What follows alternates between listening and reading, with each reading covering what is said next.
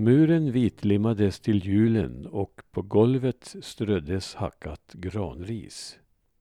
Värmlandsbygden den 23 december 2010.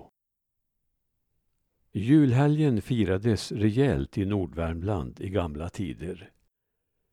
Luciafirandet inledde festligheterna med lussetåg som drog runt i stora skaror på luciamorgonen och gästade stugor och gårdar.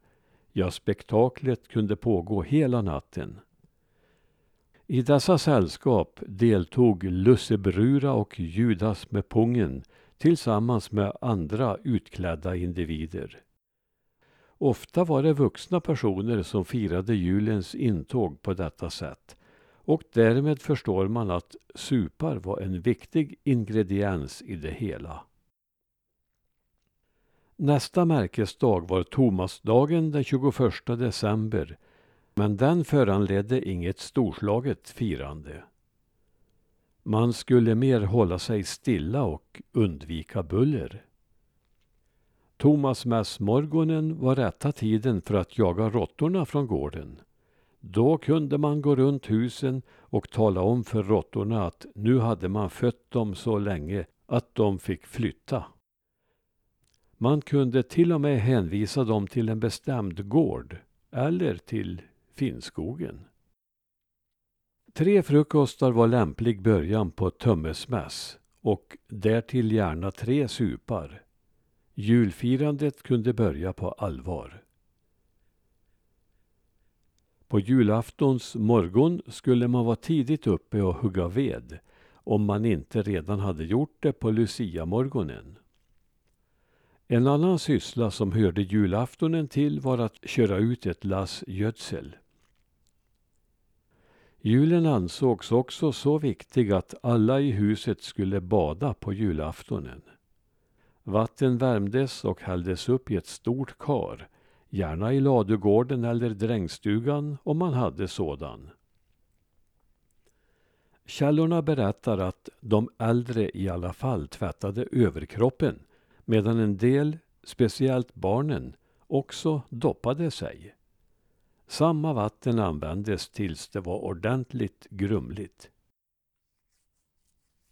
En procedur som hörde till jullögandet var att kvinnorna skulle tvätta karlarna i huvudet, citat, med klappande som gick till så att handloven rörde sig fram och åter på huvudet under det handen och fingrarna klappade huvudet inmängt med såpa. Det tyckte karlarna mycket om och berömde. Ju mer och hårdare det smällde, dess bättre var det. Kvinnorna hjälpte sig själva. Slut på citatet. I husen var det rent och städat. Många vitlimmade muren till julen och på golven strödde man färskt hackat granris som skulle lukta gott. På väggarna hängdes vackra sängtäcken och handdukar med fransar och mot slutet av 1800-talet kom julgranarna in i husen. Tidigare hade dessa haft sin plats ute vid trappan eller på dynghögen som genom denna upphöjelse skulle ge extra växtkraft när den påfördes åkrarna. Julmaten var något utöver det vanliga. En stor duk breddes ut på bordet och mitt på detta sattes julbon fram. Julbon bestod av en nölligt stor kaka som lades först och med två mindre S-formade avlånga bakverk i kors ovanpå. Denna skulle ligga framme hela julen utan att ätas. Som julmat i norra Värmland i gamla tider åts havrebrödskaka, lutfisk och gryngröt med mjölk. Havre var det som odlades mest och som lagades till i många tänkbara varianter. Det var stort om en fick rågmjöl att baka av den tiden, berättar en kvinna som föddes 1858 i norra Finnskoga. Smör och ost kunde man kanske kosta på sig. Gamla Dalbyrätter som må hända var av lite senare datum var tullkorv och skrämjölskakor. Supar intog man till julmaten. Lite mat skulle lämnas kvar på bordet efter julmiddagen för det ansågs allmänt att just på julnatten kom familjens avlidna på besök och då skulle de också ha någon förtäring. Från södra Finnskoga har berättats att husfadern just för detta förmodade besöks skull slängde en sup under bordet innan han själv tog sin julsup. Det var nu inte bara människor, levande eller döda, som skulle äta gott till julen. Kreaturen i lagården var viktiga för överlevnaden och kära för husmodern. Så de fick extra förplägnad och gladdes väl åt detta utan att riktigt förstå vad som tagit åt folket på gården. Ät väl, trivs väl, ikväll är det julkväll, sa husmor medan hon utfodrade djuren. Man satte också ut en särskilt fin julkärve till fåglarna på julaftonen. Jultomtar höll man sig inte med i riktigt gammal tid. De tomtar man trodde på var gårdens väktare som hjälpte till liksom i bakgrunden med olika sysslor på gården och såg till att djuren sköttes på ett bra sätt. Snarstuckna och griniga kunde de vara. Nej, den som delade ut julklapparna ända in på 1900-talet, det var julbocken. Han dundrade på dörren eller bräkte högt men hade sedan en ovana att försvinna utom synhåll. Viktigast av allt var ändå att han lämnade julklappar. När han någon gång visade sig var han utspökad. Respekten för julbocken var stor.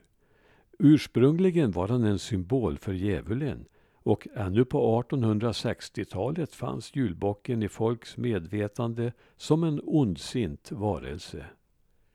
Och visst hade man anledning att frukta denna varelse. När julen kom hade julbocken som uppgift att se till att alla var klädda i nya kläder. Annars skulle han komma och skita på den smutsiga och olyckliga stackaren. Därför var det viktigt att man fick åtminstone något lite nytt plagg till jul. I alla fall fick man se till att vara rentvättad och ha rena kläder. Sedan gällde det också att vara aktsam om de nya kläder man eventuellt hade fått. För julbocken ansågs ha fortsatt kontroll över hur de sköttes. Som väl var ändrade han så småningom inriktning och blev en mer godlynt julklappsutdelare. Till julottan i kyrkan på juldagens morgon skulle alla som på något vis kunde ta sig dit. Kom man för tidigt kunde man få se hur de döda hade sin egen gudstjänst på julnatten. Det finns uppgifter om att denna startade klockan tolv på natten. Någon menade sig till och med ha sett hur det lyste i alla kyrkfönstren.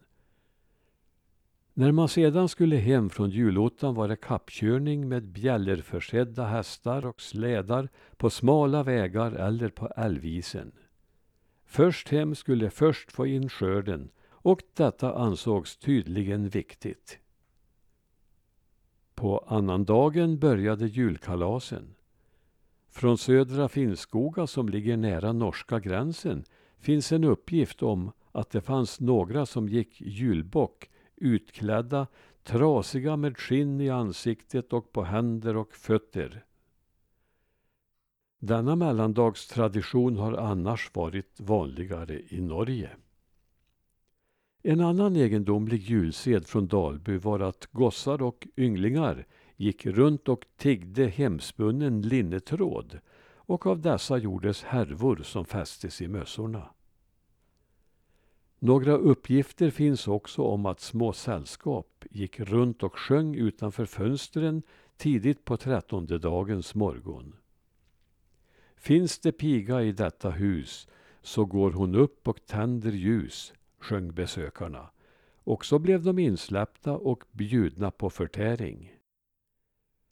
Då hade högtidligheterna i en eller annan form pågått i bortåt en månad. Det gällde att få ut det mesta av julen. Och så en bildtext som hörde till artikeln. Hembygdsforskaren Lars Bäckvall har berättat att det allmänt ansågs att de döda firade julotta innan människorna kom för att fira sin. Då min far gick till kyrkan i Långav i sin ungdom såg han kyrkan upplyst då han kom på Berglarsbacken. Det lyste i alla kyrkfönstren men när han kom fram till kyrkan var kyrkan stängd och ingen människa såg han till. Han hade ingen klocka och hade därför givit sig iväg tidigt och kom fram vid midnattstimman. Det syntes tydligt att det var ljus i kyrkan och kunde icke vara månen. Detta skulle alltså ha hänt någon gång på första halvan av 1800-talet i Dalby.